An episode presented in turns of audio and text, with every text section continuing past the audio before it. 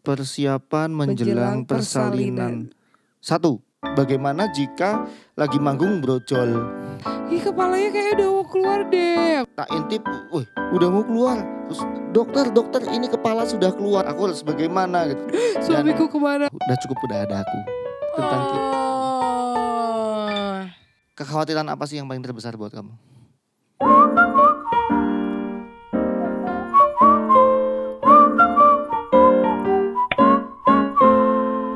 Tiga, dua, satu. Biber yuk. Hai, jumpa lagi di Biber, Bincang Bincang Berdua.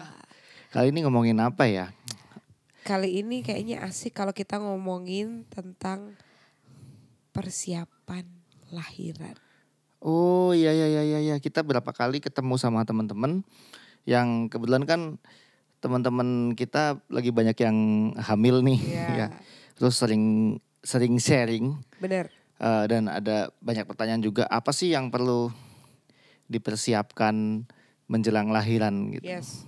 Di sini kita bahas eh, di luar dari maksudnya per eh, pernak-perniknya ya, maksudnya perlengkapan bukan kita bicara pastinya kan ada beberapa tuh kayak misalkan bajunya atau apanya Iya, dan iya, kita di luar dari itu semua ya teman-teman. Kita mencoba membahas kali ini eh kira-kira perlengkapannya itu eh, selain barang-barang itu apa sih yang krusial? Mungkin sebenarnya lebih ke ini ya. Kami di sini justru malah eh, ingin berbagi cerita, berbagi, Berbagi pengalaman, iya. Apa aja sih yang kami lakukan, kami siapkan Yes. untuk me- mempersiapkan kelahiran sang anak. Benar. Dan ini juga sih kalau dari aku sebenarnya biar jadi eh apa namanya? ada yang terekam nih biar kalau misalkan aku besok hamil lagi tuh jadi nggak kelupaan. Ya ya ya. Apa ya? Ini kayaknya mungkin banyak dari sisi kamu loh. Iya, ini aku sudah si- siapkan catatannya di sini. Oh gitu. Aku malah nggak tahu ada catatan gitu. Ada catatannya. Kukira kita tuh ngobrol-ngobrol aja malah ternyata nyontek juga. Iya, justru eh biar nggak lupa. Apa apa sih? Persiapan menjelang, Menjelang persalinan. persalinan. Satu. Survei opsi rumah sakit tujuan. Kalau menurutku kenapa penting? Kamu bisa nebak nggak? Ya ya jelas lah kita kan mau lahiran. Terus ya pasti cari rumah sakit yang paling bikin kita nyaman dong. Yes. Kalau aku sih lebih mikirnya bukan nyaman, Apa tuh? deket Dekat. deket. Sebenarnya yang aku paling aku pikirin adalah deket dan rutenya itu gampang. Jadi Ser- kalau ada apa-apa langsung situ gitu. Iya betul sama dekat di sini bukan cuma dekat dari rumah ya, Heeh. tapi dekat juga dari aktivitas kita sehari-hari. Maksudnya entah itu di tengah-tengah Heeh. atau aksesnya pokoknya gampang gitu. Bener dan maksudnya oh kita udah nanti kalau misalkan kayak gini-gini kita ke rumah sakit ini nih. Kalau kayak gini-gini oke yang di dekat rumah juga kita bisa jadi opsi ya. Iya. Tapi kita setidaknya kita tahu dulu nih informasi-informasi dari rumah sakit yang eh, kita udah tuju. Apa tuh? Kayak misalkan informasi-informasi yang sering banget eh apa namanya lupa dan suka nggak kepikiran. Ya apa? Kira-kira di di rumah sakit itu udah disiapin apa aja sih? Heeh. Habis itu terus kira-kira kalau misalkan kita mau lahiran di situ eh prosedurnya tuh apa aja? Itu perlu banget kita tahu sih. Oh ya ya prosedur terus eh ini ya ya eh, persyaratan Iya, ber- bener. berkas segala macam terus eh sama ini fasilitas tadi ya Yes. kayak udah ada popok belum udah Udah- dikasih baju belum Iya, ba- bajunya di sini bukan cuman baju untuk anaknya ya, tapi ibunya juga udah belum. Soalnya ada yang menyediakan, ada yang ada tidak yang enggak Mm. gitu. Jadi itu bisa menjadi eh, pertimbangan dan jaga-jaga persiapan untuk kitanya gitu. ya heeh. Terus kalau kamu dulu apa menjelang lahiran mulai deg-degan deg-degan gak sih Em, deg-degan lah, deg-degan banget. Tuh mulai gimana deg-degan ya, gitu. kapan bulan keberapa Sebenarnya deg-degan terus sih. dari awal, dari sebelum hamil. Iya maksudnya kan ya Allah maksudnya berdoa semoga sehat-sehat nih bayi dan aku juga selamat itu kan eh kalau ditanya itu mempertaruhkan nyawa enggak itu benar-benar mempertaruhkan nyawa karena ya itu deket banget kan maksudnya dan kita nggak tahu ketika hari H itu seperti apa. Jadi kalau bisa sih kita siapkan dari jauh-jauh hari. Kayak kita dari perlengkapan bayi aja kita cicil kan. Ya. selain karena itu membantu untuk eh apa namanya budgeting tapi juga eh, biar maksudnya biar nggak yang kelupaan kelupaan kelupaan apa sih gitu. Ya jadi kita, eh, kita dulu ini ya eh, mempersiapkan semua perlengkapan Yes. itu dalam satu koper benar dan eh, kalau lagi berkesempatan pergi pakai mobil Heeh. itu udah kita masukin mobil. benar Terus ya kalaupun kita lagi nggak pakai mobil, pokoknya tuh koper seisinya itu udah siap kapan pun eh, si bayi itu udah mau keluar, Heeh. kita cuma tinggal angkut. Benar.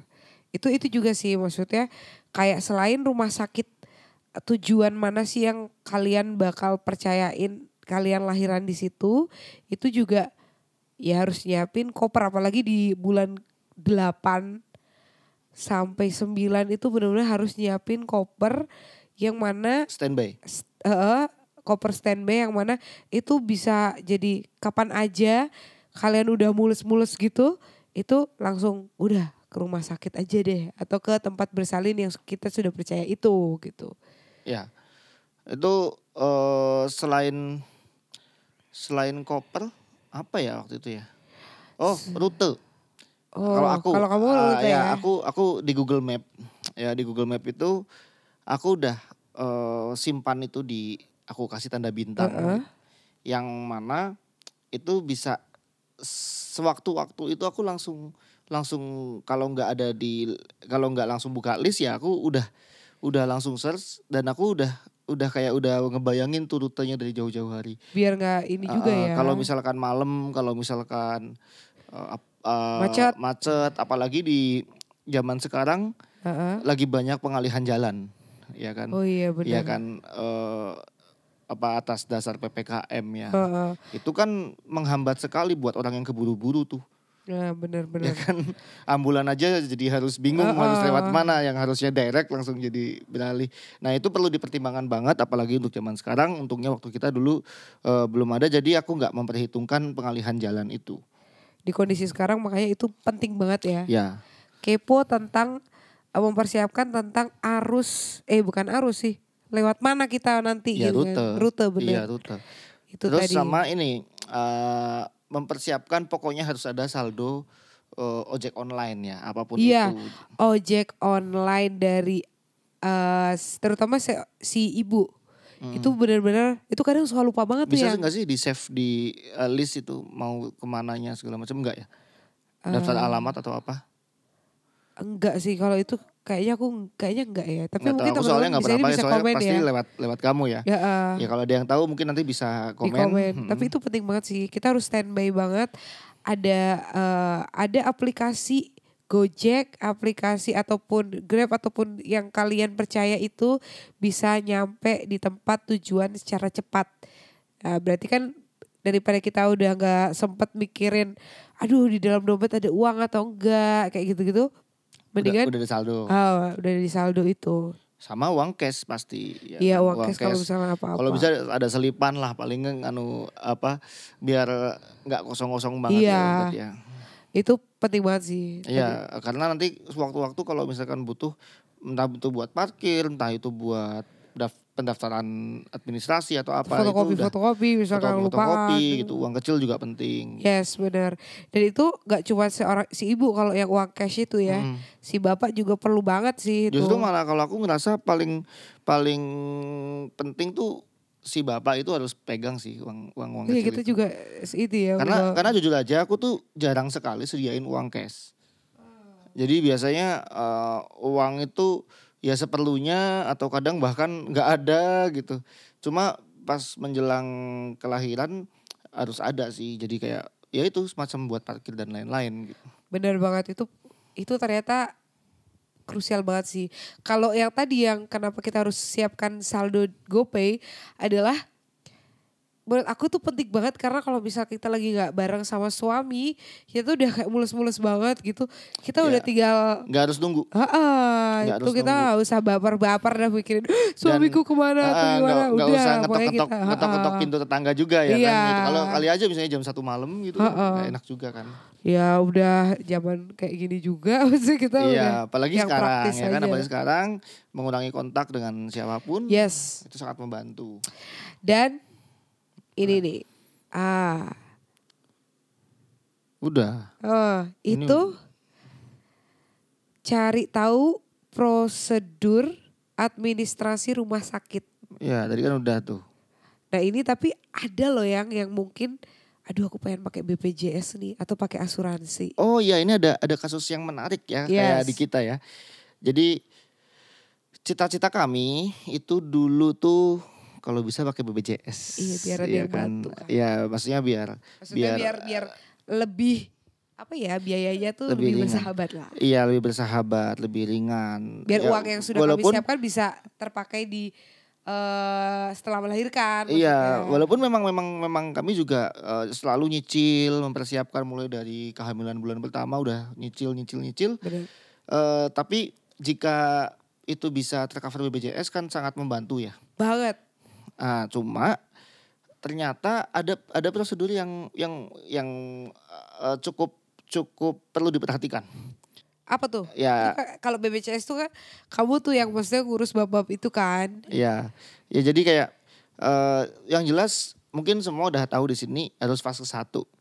ya, se- Oh, oke. sementara fase satu untuk keham- kehamilan dan kelahiran itu adalah puskesmas atau bidan.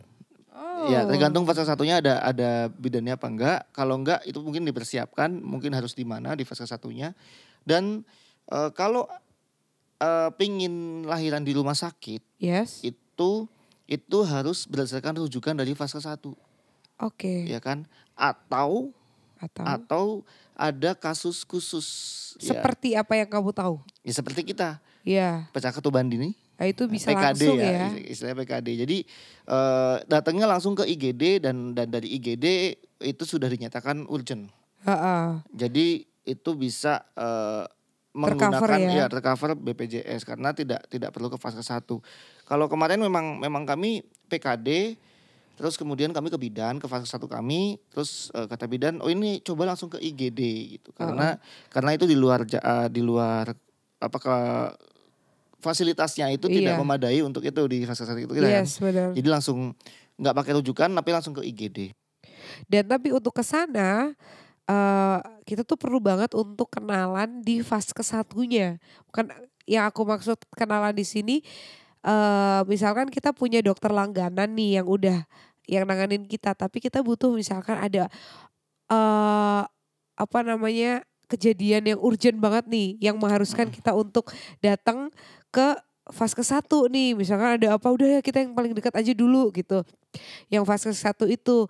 Nah itu harus tahu nih maksudnya ada dokter siapa di sana terus eh penanganannya apa yang harus disiapkan kayak gitu-gitu. Dan maksudnya juga tahu eh biasanya tuh bidannya di sana tuh lebih kayak ngasih tahu juga maksudnya oh kayak gini gini gini gini kasusnya biar biar tahu juga nih karena Ya betul. kita kemarin tuh sempat ada kasus apa sih yang yang eh Placenta previa. yes itu jadi maksudnya biar tahu biar besok eh, dari si fase satunya tuh nggak kaget ya kan Iya, jadi ada track record lah. Jadi rek- yes mungkin rekam medis ya istilahnya atau Iya. apa ya. Jadi harus kalau kalau kalau kami mengharuskan supaya nanti nggak kaget. iya biar kalau ada urgent apa tuh udah udah udah udah tahu lah lah Iya. ini Ya itu.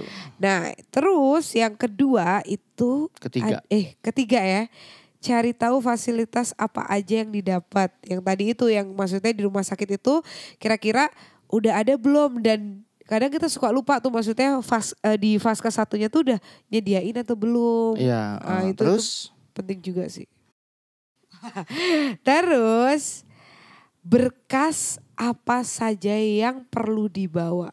ya Itu kayak tadi eh, kalau KTP, KTP, kartu BPJS, yes. terus Eh, kalau aku sih kemarin tak bawa satu map itu ya, satu map ada Itu ada apa tuh? ya ada kakak, ada akte kami berdua, Oh. bahkan ada surat nikah, bahkan ada anu tabu apa buku tabungan. Ya pokoknya kalau itu satu map, karena aku terbiasa untuk ngefolder semua berkas-berkas penting di satu tempat. Oke. Terus menurut kamu berkas-berkas lainnya itu meliputi apa aja tuh? Kayaknya maksudnya pasti kan banyak juga nih perlu detailnya gitu kan. Ya buku pink, Atau buku KIA ya. buku KIA itu apa? Iya dia tuh buku yang eh, riwayat-riwayat eh, Itu buku kasus. pink. Iya sih. KIA tuh KIA kayak itu kartu identitas anak. Nah, anaknya belum lahir, kenapa Iya ada KIA-nya? Tapi itu ada yang catatan biasanya ya, jadi kan buku ayat macam-macam kan. Itu ada kasus-kasusnya juga yang tertulis di situ, tapi ada juga yang enggak. Kalau kita kan kemarin sempat enggak. Tapi ternyata kalau di bidan Di buku pink ya, di buku pink itu itu eh, buku pink yang dari bidan itu beda gitu loh. Kok ya nggak tahu ya aku mungkin ada istilah KIA yang aku nggak tahu. Cuma yang jelas yang aku tahu KIA tuh kartu identitas anak. Nah Heeh. itu nggak mungkin dibawa dong. Enggak Eh, mungkin enggak dibawa. Nggak mungkin dibawa. Anaknya belum lahir di mana ada kartu ada, ada kartu identitas anaknya. Iya sih tapi tulis saya tuh buku KIA gitu. Oh ya nggak tahu deh ya. Mungkin nggak tahu ya nanti di apa eh, istilahnya apa. Cuma eh, yang cukup membantu adalah riwayat. Riwayat. Iya riwayat di buku Pink itu Heeh. ada ada riwayat eh, rekam bukan rekam medis tapi itu catatan eh, ini ya setiap kontrol Heeh. apa aja bagaimana kondisi si ibu si si jajabang bayi itu gitu kan denyutnya di bulan ini berapa jadi ada perkembangannya Kayak aku kemarin- termasuk ya salah satu kasus yang kemarin sempat bikin kita galau Iya sih. yaitu placenta previa itu Iya yang mana kita aduh kayak nggak bisa nih kalau nggak lahiran sesar nih udah deh gitu kan. Iya, itu bahkan mm, dokter pun bilang eh, apa do- eh, saya kan tanya apa dok yang bisa saya lakukan untuk ini? Ya ini sih tunggal tergantung si anak sama nunggu keajaiban. Eh, Nah, jadi eh, apa kemungkinannya lebih besar untuk eh, sesar ya. yes. Bukan apa-apa, cuma kemarin itu kami memang sangat ingin lahir normal karena supaya lebih irit. Iya lah kurang lebih gitu ya. Tadi ada eh, buku KIA terus apa lagi yang atau Jangan- buku pink, buku pink deh aku sebutnya. Ya buku pink aja aku Oke. soalnya masih nggak tahu ada istilah buku KIA Oke, tuh. buku pink. Bensin mobil harus Hmm. penuh atau paling enggak harus ada ada ada isinya. Pokoknya setiap mau pulang ke rumah itu isi dulu. Ya eh, nggak tahu kalau para sahabat kebiasaan seperti itu, tapi kan kita sering tuh posisi Lupa pulang ke ya. pulang ke rumah bukan bukan cuma lupa, kadang juga sempet. pom bensinnya udah tutup Heeh. atau apa gitu. Apalagi zaman sekarang banyak pom bensin yang tutup eh, lebih awal, Iya. ya kan di pandemi seperti ini itu eh, sering kali kita pulang pos- posisi bensin udah habis. Nah itu cuma cukup ke pom bensin. Nah kalau kejadiannya buru-buru kayak kita kemarin, eh, mungkin harus ngantri bensin dan lain-lain itu mungkin akan ya. akan membuat kerepotan yang lebih. Hah, iya benar itu penting banget sih, itu penting banget. Nah, terus ada poin lagi nih, adalah eh perlengkapan yang harus standby di dalam koper. Itu banyak banget. Apa tuh? Itu aku yang nyiapin ya. Iya. Itu biar aku gak lupa ya teman-teman, itu ada perlengkapan bayi itu eh kalau misalkan dari tempat eh yang kalian rencanakan lahiran di sana itu nggak nyiapin, otomatis baju tidur, baju tidur si bayi, habis itu terus eh apa namanya kain, Kain apa bedong? bedong, habis itu terus eh apa namanya perlengkapan ya baju-baju hangat lah untuk si bayi sama baju persiapan untuk pulang. Oh iya iya iya iya iya betul. Keluar dari rumah sakit ya. Iya benar. Kayak apa sih itu kayak selimut gendong Heeh. ya cover bayi gitu ya ya eh, buat keamanan Yes. Terus perlengkapan eh, si ibu, maksudnya itu adalah baju yang eh ya ganti yang ternyaman, iya. baju tidur baju ternyaman Dan ini juga penting banget sering lupa itu adalah baju tidur bayi itu baju piyama ya teman-teman. Maksudnya piyama yang kancing depan. Karena kita belajar nanti akan belajar menyusui. Nah itu kadang suka lupa baju kancing depan. Nah terus eh pembalut atau eh diapers untuk apa ya untuk untuk ibu. ibu. Yang maksudnya yang panjang. Pas, kalau buat pasca melahiran kan. Ha-ha. itu sih kemarin kayaknya pakai ini ya pakai diapers ya. Iya pakai diapers. Aku sempat pak eh, pembalut habis melahirkan juga sih aku nyiapin itu. Cuman ternyata kalau di aku tuh dia lebih gede gitu loh. Maksudnya lebih kayak panjang banget gitu. Dan aku kaget kalau eh, sepanjang itu. Tapi eh, ya kal- senyamannya kalian lah. Nah terus juga baju ganti pendamping yang nemenin kita teman-teman. Jadi ada yang mungkin ada eh, baju gantinya suami itu kadang suka lupa. Terus juga ini charger. charger terus ini eh, stop kontak Yes, benar. extender ya itu soalnya terutama buat ini sih ya buat media hiburan seperti HP itu segala Wah, macam penting sih. apalagi kalau kayak kemarin aku sambil lembur bawa laptop dan lain-lain ya jadi eh, penting banget itu biasanya kalau buru-buru itu hal yang sering kelupaan Yes. jadi itu udah siapin satu di dalam koper itu. Dalam koper itu Terus berkas-berkas yang tadi sudah disampaikan. Habis itu adalah camilan mood booster untuk si ibu. Itu suka lupa. ya Eh, kenapa aku bilang penting? Karena sebelum kita nanti mungkin disuntik untuk induksi ataupun udah ke- apa mules-mules, itu kita harus dihajar dengan makanan-makanan yang membuat kita happy juga. Kayak misalkan mungkin coklat ataupun sesuatu yang manis. Sebelum mules sempetin makan dulu. Harus manis emang? Karena kalau kalau aku sih mikirnya manis ya, karena kalau misalkan manis itu kayak dia tuh nyimpen tenaga gitu loh. kalau gitu nggak usah bawa sembilan Oh gak usah ya? nggak usah udah cukup udah ada aku Ah, itu beda.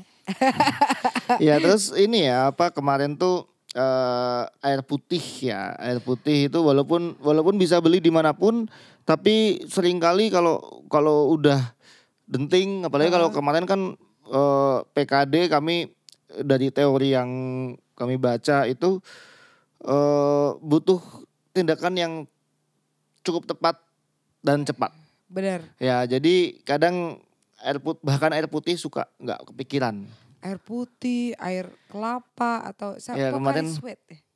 Po- Pokari atau eh, hydro koko kemarin Iya. juga ya kan.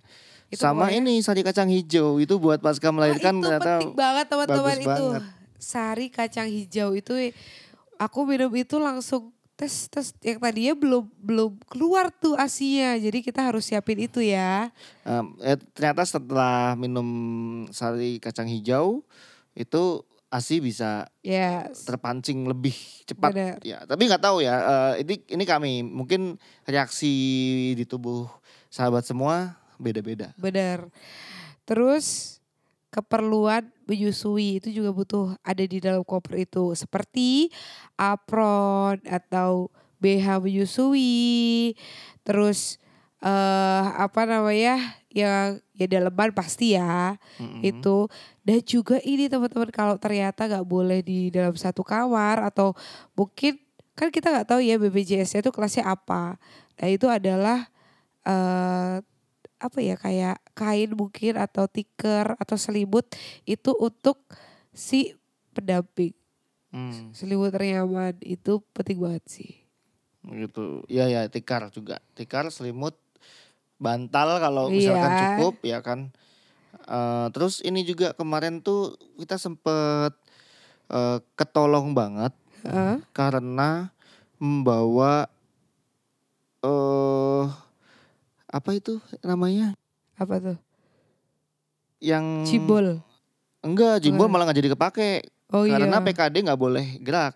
Tapi t- eh, kalau info-info yang kami dapat, jimbol itu bisa buat Batu, mancing. Eh, buat kalau buat yang bukan PKD ya untuk man- eh, mancing pembukaan, kontraksi segala macam katanya jimbol eh, bisa efektif banget. Soalnya kalau PKD itu harus benar-benar istirahat banget sih ya. Ya, semakin banyak gerak semakin cepat air ketubannya keluar. Ya kan? Itu bisa berbahaya.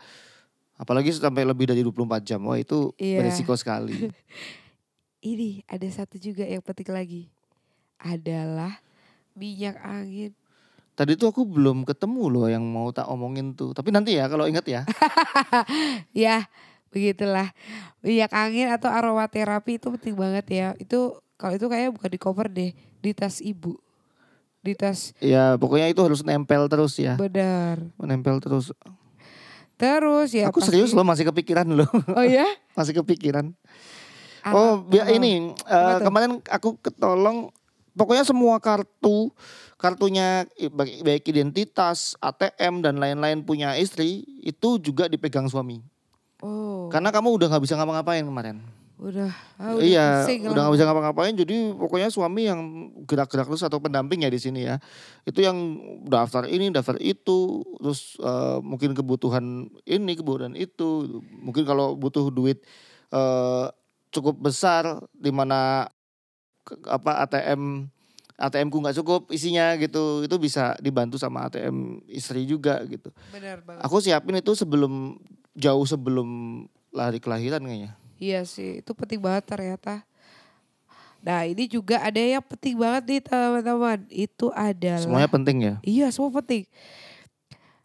Suplemen, vitamin atau obat-obatan pribadi. ya kalau kami kemarin ya itu ya pil jintan hitam ya Oh iya. Ah, itu itu nolong juga kemarin Terus alat mandi udah pasti ya.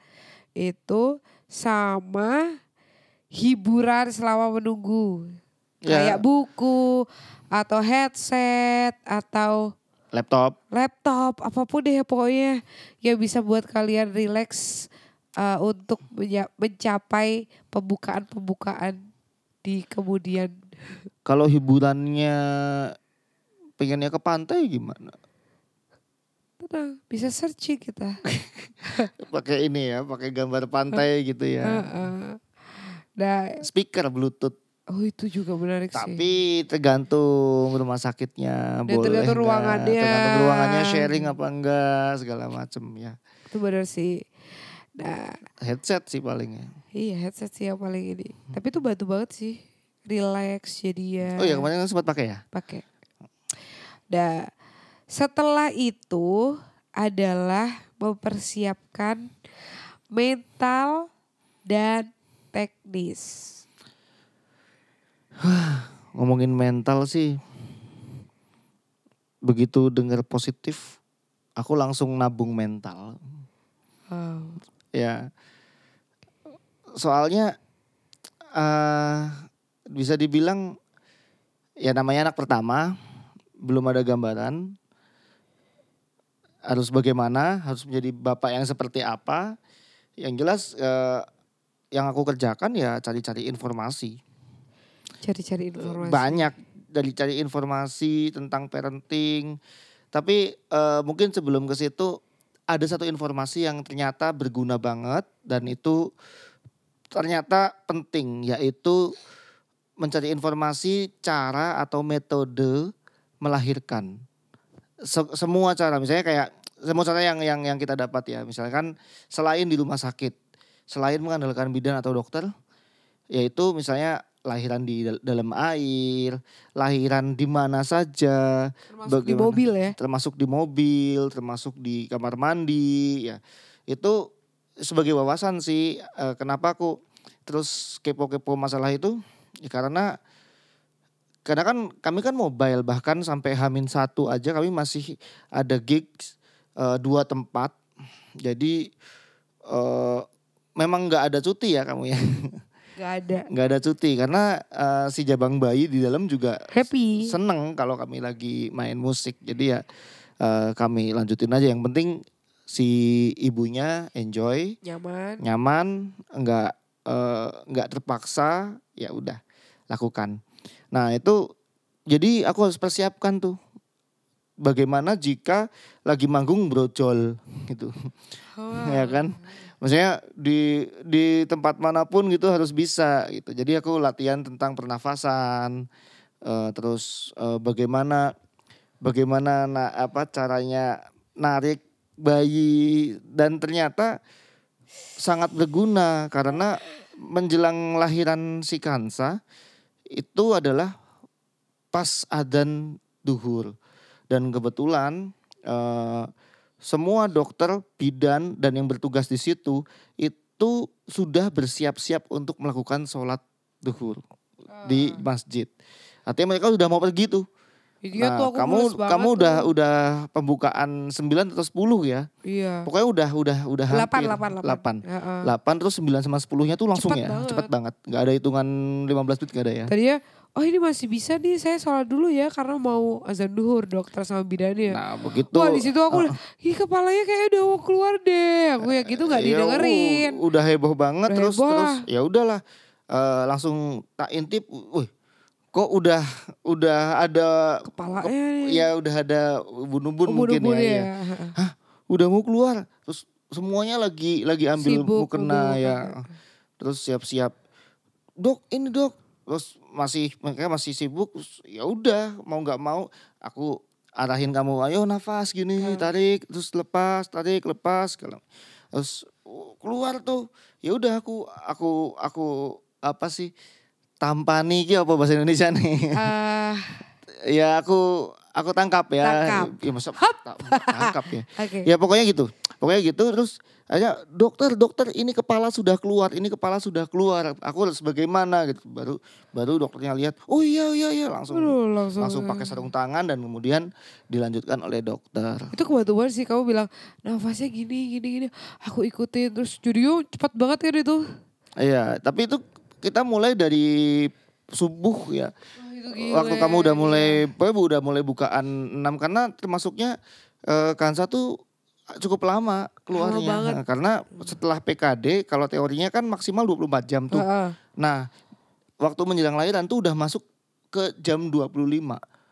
Ya, udah 25 jam. Jadi eh, perasaan kami tuh udah Campur aduk nih. campur aduk. Ini beresiko apa enggak? Ini bahaya apa enggak? Segala macam walaupun kami eh, ada dokter di sana yang bisa dipasrahkan tapi tetap aja kan teori yang kami pelajari adalah 24 jam maksimal. Tuh. Wah, itu udah udah aduh, se- Gimana gimana nih? nih, Air gimana ketubannya nih, belum habis keluar keluar enggak masih gitu. masih bukaan 8 tuh udah 25 jam gitu air ketubannya aman enggak nih gitu Makanya itu para bapak-bapak, ayo belajar. jadi itu gue udah bukaan 7 8 udah saya ajarin pernafasan terus tuh. Ya, itu sangat membantu teman-teman. Jadi mempersiapkan mental dan wawasan. Bener ya? ya betul Nah, ini juga penting nih, yaitu mempersiapkan nama untuk administrasi akte anak. ya Itu kamu yang ngurus sih. Jadi eh itu kayaknya umum ya, maksudnya banyak orang tua yang sudah mempersiapkan itu dari jauh-jauh hari. Tapi eh, di sini aku nggak akan bahas bahas itunya, tapi aku bahas pengalamannya karena Oke. ternyata akan sangat memudahkan jika nama itu sudah siap dan eh, itu sudah bisa didaftarkan untuk akte. Jadi kita keluar rumah sakit itu udah beres semua. Ya nggak usah mikir-mikir lagi lah ya gitu. Iya, maksudnya maksudnya udah langsung langsung input nama, apalagi kalau biasanya kalau yang normal itu kan paling satu hari atau dua hari, ya kan di Oke. rumah sakit. Jadi ya udah kita nggak usah balik lagi ke sana. Dan itu kemarin aku ketolong karena langsung daftarin nama. Oke. Karena karena ternyata kenapa aku bilang eh, cukup perlu diperhatikan karena kata kata petugas sana Hah? banyak mas yang harus bolak-balik. Bahkan ada yang di luar kota, ada yang di luar kabupaten gitu. Itu harus balik lagi gara-gara belum punya nama. Oh. Iya, Ini maksudnya juga penting berarti untuk data rumah sakit ya? kenapa? Itu penting Untuk ya? akte, untuk mengeluarkan akte kan. Dan itu ya surat lahir kalau nggak salah ya? Ya akte itu. Oh, sama ya? ya akte kelahiran kan, Oke. akta kelahiran. Itu surat keterangan lahir lah atau akte kelahiran ya sama mungkin ya. Itu. Jadi nanti sama pengantar untuk ke Dispenduk Capil. Oh, itu jadi ternyata itu banyak banget yang belum dibahas ya di luaran sana gitu. Ya ternyata banyak, banyak yang harus bolak-balik gara-gara itu. Dan ini juga masuk ke bulan 9 itu tuh penting banget kita untuk intens berhubungan dengan dokter yang sudah tahu kasus kita. Mau itu lahirannya sama dokternya atau enggak harus lebih intens ya. Ini Ya, curhat sih. eh, mungkin mungkin istilahnya bukan berhubungan tapi mungkin kontak ya. Iya atau- maksudnya kontak. Gimana? Iya, eh, maksudnya mungkin eh, berkomunikasi lebih intens tentang apa yang perlu dipersiapkan, terutama eh, wah waktu kemarin tuh kita udah dari awal ekspektasinya adalah ke dokter A gitu, Hah, bener. Dokter. dokter A, dokter favorit kami. Iya. Tapi ternyata di bulan ke-9 beliau kecelakaan. Oh iya. Iya kan. Nah, tapi untungnya kan eh, tetap eh, tetap kontak ya, Heeh. tetap kontak, tetap Keren banget eh, sih. WhatsAppan, eh, tetap konsultasi via WhatsApp, terus juga direkomendasikan cara-cara dan rumah sakit-rumah sakit mana, bahkan sampai dikasih surat rujukan oleh dokter Tersebut. tersebut. Eh, Iya, Itu wah itu ngebantu banget sih. iya. Jadi yang intens itu tidak hanya ibunya teman-teman, tapi ja- bapaknya juga. ya karena karena apa? Karena hari H itu, hari H itu Dara udah nggak- gak bisa nggak bisa mikir apa-apa. Jadi saya yang komunikasi sama dokter, dok ini keadaannya seperti ini ternyata. Saya harus ke rumah sakit mana dan dan ah, di antara pilihan ini mana yang di- lebih direkomendasikan. Heeh. Sekarang nggak usah jawabannya sekarang nggak usah mikirin rumah sakitnya.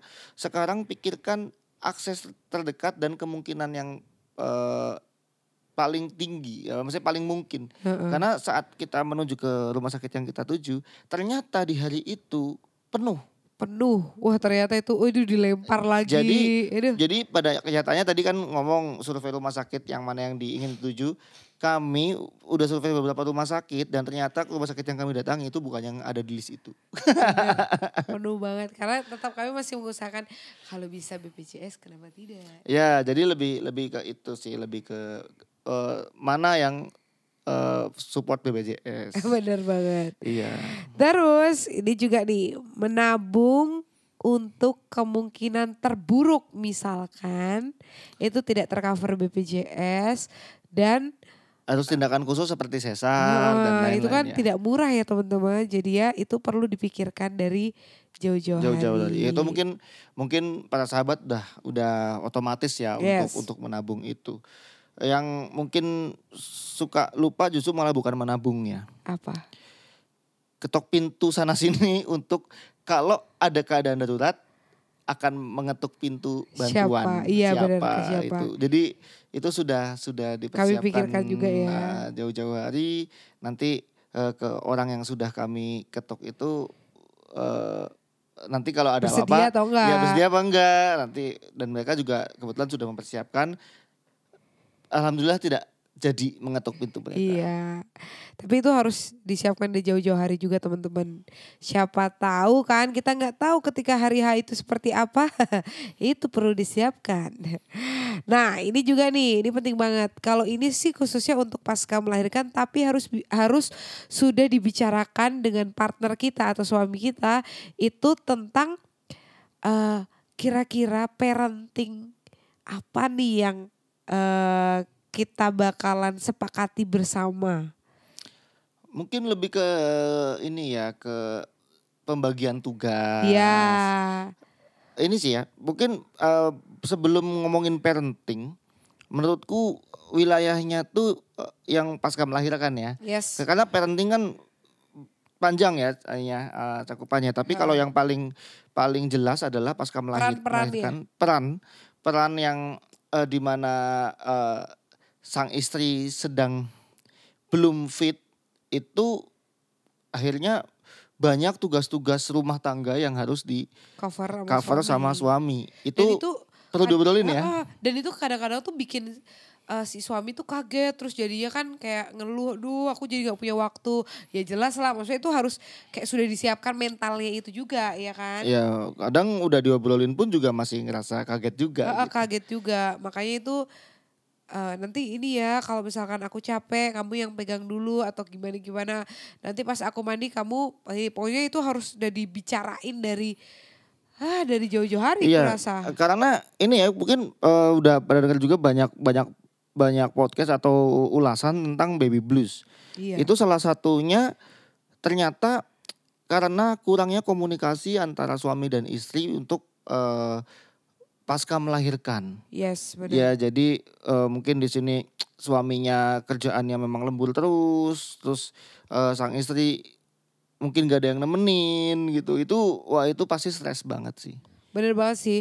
Tapi kalau misalkan memang keadaannya memang suami lagi nggak bisa, tapi setidaknya eh, suami itu tetap diajak diskusi menurut menurut aku ya. Hmm. Tapi eh, oke aku kayaknya aku takutnya aku tidak maksimal nih. Kayaknya kita butuh seseorang untuk yang bantu misalkan. Ya jadi udah ada solusi Iya ya. ada ada solusi yang disepakati bersama gitu. eh kalau yang dari aku sih eh, kurang lebihnya kayak gitu sih. Kalau maksudnya peran-peran itu gitu tuh harus dibicarakan tentang model ya mau kayak gimana itu itu akan selalu belajar juga ya model pare- parenting yang tadi. Betul. eh, itu sih. Tuning sih menurutku harus tuning tuning juga karena eh, misalnya nih kasusnya kayak bayi harus bangun tengah malam karena ngompol atau tidak nyaman karena kan kita sempat Ki, kita bertahan untuk tidak menggunakan diapers selama bulan pertama ya itu Yes benar. baik siang maupun malam Itu jadi harus mau repot tuh. Iya harus mau itu itu itu kesepakatan. Jadi kala- kalau udah tahu repotnya, ya tinggal mengingatkan kita kemarin sepakat seperti ini masih mau berlaku apa enggak gitu kan itu. Jadi eh, kalau enggak juga nggak apa-apa sih sebenarnya. Cuma kita terus eh, udah pernah membahas itu lebih dalam, eh, maksudnya sangat sangat jauh. Jadi ya udah kita lanjutkan aja gitu. Tidak perlu diskusi panjang lebar lagi. Cuma tinggal lanjut enggak Dan ini juga sih da- eh, untuk kaum para wanita atau kaum ibu-ibu di luar sana eh, jangan malu, jangan sungkan, jangan gak enak untuk bilang capek ke suami. Maksudnya tapi juga disampaikan dengan eh, enak yang nggak nyinggung atau aku tuh capek kamu tuh. Ya, ya jangan gitu. Iya, so- so- soalnya capek. iya soalnya sama-sama capek dan dan mungkin banyak juga eh, suami yang kaget untuk melakukan peran istri secara penuh, Heeh. terus kemudian caranya protes capek apa me- eh, menyampaikan capeknya kurang enak itu kadang Yes. juga suka bikin kaget kan. Heeh. Terus ini juga penting banget yang tadi kan kita udah bicara tentang mental, tapi ini kita berbicara tentang pernak-pernik. Pernak-pernik. Iya. Kita Apa tuh? mulai kepo nih. Kira-kira tempat-tempat mana aja yang eh itu tuh pas misalkan, oh kalau dia purse itu belinya di sini nih yang murah. Oh, ini eh, seperti tempat pembelian keperluan. Yes. Terus itu kemarin sempat kita udah daftar ke member untuk beberapa tempat ya. Itu bantu banget ya. Maksudnya eh mungkin di sini ada yang nggak kita lakukan tapi sepertinya menarik jika dilakukan yaitu yang punya members nggak cuma ibunya. Oh gitu ya. Karena ada be- ada beberapa tempat itu tuh eh, harus bawa HP-nya ibunya harus check in di tempat itu gitu kan. Maksudnya Karena membernya udah gak kartu lagi ya. Iya. Membernya udah yang elektronik. elektronik dan Yang ada itu aku nggak bisa tuh pakai member itu gitu. Iya sih. Heeh. Jadi ya Untungnya Heeh. itu berlaku setelah eh, kamu udah prima lagi. benar-benar benar. Jadi intinya si bapak dan si ibu harus punya member dari Nggak beberapa. harus, Iya, nggak nggak harus sih. harus, nggak harus. Tapi, Tapi alangkah baiknya misalkan. ya kalau ibu- mau irit, Iya iya. ya iya. kan kalau mau irit. Tapi Maksudnya kalau kalau mau repot juga bebas sih. Eh, ya bebas aja sih gitu. Kalau kita sobat irit teman-teman. Karena karena aku jujur sih kalau gitu nggak mau repot. Eh, Iya maksudnya selisih itu 2000 3000 paling tapi gitu. itu lumayan banget. I- iya iya iya tapi tapi kayak misalkan aku aku mampir ya maksudnya aku udah pengen cepet-cepet pulang gitu udahlah beli di mana yang penting ada gitu Ya sih, karena aku juga mikir gitu. Cuman Ya kemarin ya member itu sangat membantu ya. Iya. Tidak dipungkiri bukan? 2000 kan bisa buat parkir. Iya, eh, tapi tetap aja aku tuh suka aduh males. ya itu perbedaan kita. Ya cewek sama cowok ya bun gitu. Nah terus ini nih. Siapkan masker cadangan yang selalu standby atau jaga-jaga biar kalau misalkan lupa atau panik nih udah aku udah mau brojol. Terus panik gak pakai masker. Nah itu di beberapa kayak di tas mungkin atau eh ya di di mana pun yang itu jadi jangkauannya lebih mudah untuk didapatkan. Ya betul. Itu eh perintilan yang kalau panik suka lupa ya. Iya suka tiba-tiba ayo masuk. Aku nggak bawa masker. Teng teng. Oh, itu ya. tuh suka ya terutama buat yang kebiasaannya ceroboh.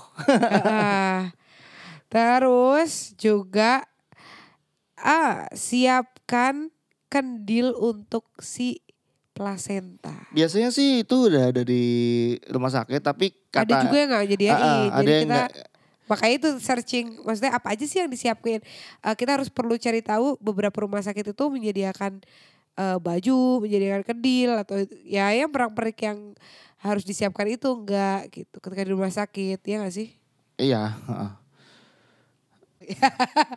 Oke. Terus juga ini siapkan atau tempatkan semua keperluan di satu tempat agar tidak berceceran saat hari keperluan. Oh, iya.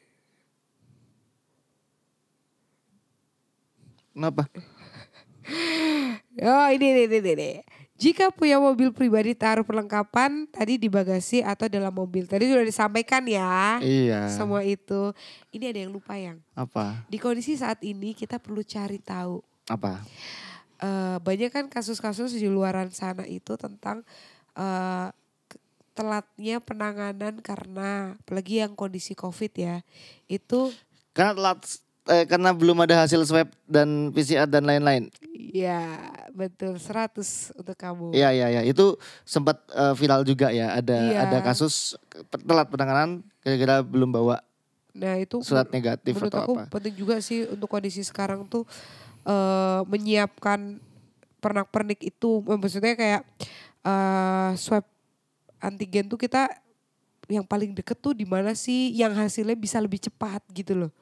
Ada beberapa rumah sakit yang kita tuju, yang menjadi tujuan kita itu perlunya swab antigen doang atau harus perlu PCR. Itu Ya, harus ya, ya, tahu kan? Ya, make sense sih. Eh, daripada daripada terjadi telat penanganan ya, Yes.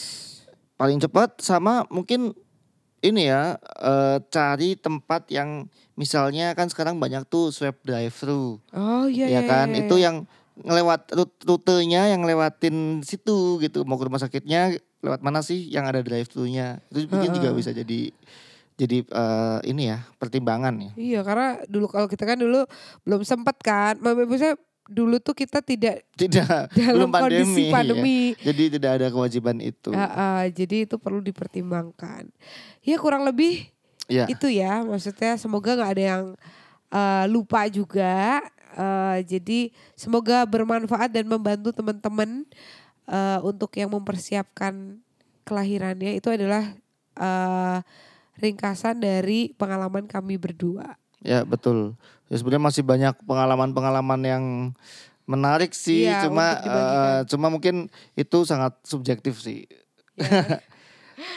Tapi Ya. sebenarnya aku malah pengen tanya sebenarnya. Apa-apa tuh? eh, Sebelum sebelum kita tutup ya. Oke. Apa yang paling kamu khawatirkan saat eh, hamil? Maksudnya khawatirkan eh, terhadap persalinan atau apa pun itu. Kekhawatiran apa sih yang paling terbesar buat kamu? Serius sih. Takut eh takut nggak selamat. Maksudnya di sini nggak selamat tuh takut eh entah itu dari akunya atau si baby kan banyak juga kasus-kasus itu kan. Ya. Dan itu yang aku sebenarnya takut cuman aku mencoba lawan itu. Maksudnya aku mencoba buat nggak positive thinking semua akan baik-baik aja, semua akan sehat, semua akan eh pokoknya selamat gitu. kan berkumpul Tapi kamu nggak nggak pernah ngomong ya? ya enggak lah itu kan maksudnya ada yang itu aku simpan aja maksudnya itu ya takut lah maksudnya kan banyak kasus yang akhirnya eh, meninggal bayinya atau meninggal ibunya bayinya selamat kayak gitu gitu gitu ada takut lah karena yang aku tahu juga kan melahirkan juga eh ini ya maksudnya katanya semakin dekat dengan Tuhan maksudnya itu mempertaruhkan nyawa tuh bener hampir di nafas-nafas terakhir itu bener untungnya aku ngerasa eh terbantu banget dengan apa yang aku makan sebelum aku mules itu. Ya karena 25 jam mau 26 jam berarti kan aku itu bener-bener yang udah kayak nafas itu bener-bener ini kan nggak boleh tidur ya setelah itu ya Iya. Nah itu kayak kebantu banget. Maksudnya kayak itu ada ada jadi semangat ketika si bayinya itu nangis gitu itu kayak mengobati semuanya sih. Terus maksudnya itu ah pengalaman dia luar biasa sih. Gak bikin kapok tapi ya gimana ya? Ya coba sendiri aja lah. Aku ada sih kekhawatiran itu Apa sih. tuh? Cuma eh, nggak tahu ya, mungkin aku agak agak terlalu kepedean kali. Maksudnya nggak tahu. Aku pokoknya yakin banget kalian akan selamat. Iya sih aku juga. Eh, Maksudnya yak- yakin di sini bukan bukan mendahului Tuhan, tapi Heeh. tapi penanaman eh, pikir- pikiran positif gak sih? i- iya iya sih. Ada kekhawatiran itu. Cuma aku selalu denial dan selalu eh, berusaha optimis, optimis, optimis. Maksudnya bisa, bisa, bisa Semuanya dan sehat, selamat, selamat, sehat. selamat dan itu jadi tidak tidak memenuhi kecemasanku. Tapi Oke. tahu nggak kecemasanku itu malah apa? Kesiapan itu. Aku siap nggak ya jadi bapak? Wah. Aku udah layak belum ya jadi bapak? Oke, sedikit cerita teman-teman. Maksudnya kami itu, kami itu hamilnya itu tidak direncanakan. Maksudnya setelah kami menikah, ternyata tidak nyangka secepat itu bakal jadi. Jadinya itu bukan eh, by rencana ya maksudnya. bukan program, Bukan program. bukan program. Eh, tapi juga kalau aku sih sebenarnya nothing tulus, nothing tulus dan tidak minta cepat, tidak minta lama, ya Sedikasih aja. sedikasihnya aja. Jadi eh, tidak ada upaya pencegahan. Jadi ya aku udah mempersiapkan kapan pun positif hamil, aku harus siap. Tapi kan kayak gitu kadang-kadang dari hati nurani apakah kamu sudah bisa berdamai dengan segala ego dan segala mimpi-mimpi kamu yang nanti pasti akan berbeda di eh, Kalau itu aku kehidupan nyatanya. Kalau itu aku sebelum menikah aku udah udah udah mendamaikan itu. Udah berusaha berdamai dengan itu dan eh, saat aku memutuskan untuk menikah, artinya berarti udah bukan lagi cuma mikirin aku. Bukan cuma kamu juga nggak cuma mikirin kamu. Ya udah, kita mikirin tentang kita berdua, tentang kita. Oh, sweet juga. ya gitulah ya. Pokoknya harus benar-benar di sini tuh yang melahirkan gak cuma seorang ibu tapi seorang bapak. Jadi eh ya berusaha aja bukan bukan kami memaksakan kalian untuk sama seperti kami enggak. Cuman kami juga masih belajar, masih terus belajar. Ambil positifnya, buang negatifnya. Betul. Jadi buat para calon bapak dan calon ibu Yes. pokoknya selalu jaga kewarasan. Itu penting banget. Iya, Biar nggak sampai ke baby blues ke tahap itu ya. betul. Itu sih. Ya kurang lebih kayak gitu. Thank you teman-teman. Sampai jumpa di Bieber selanjutnya. Yes. Gitu? Tiga, dua, satu. Terima kasih.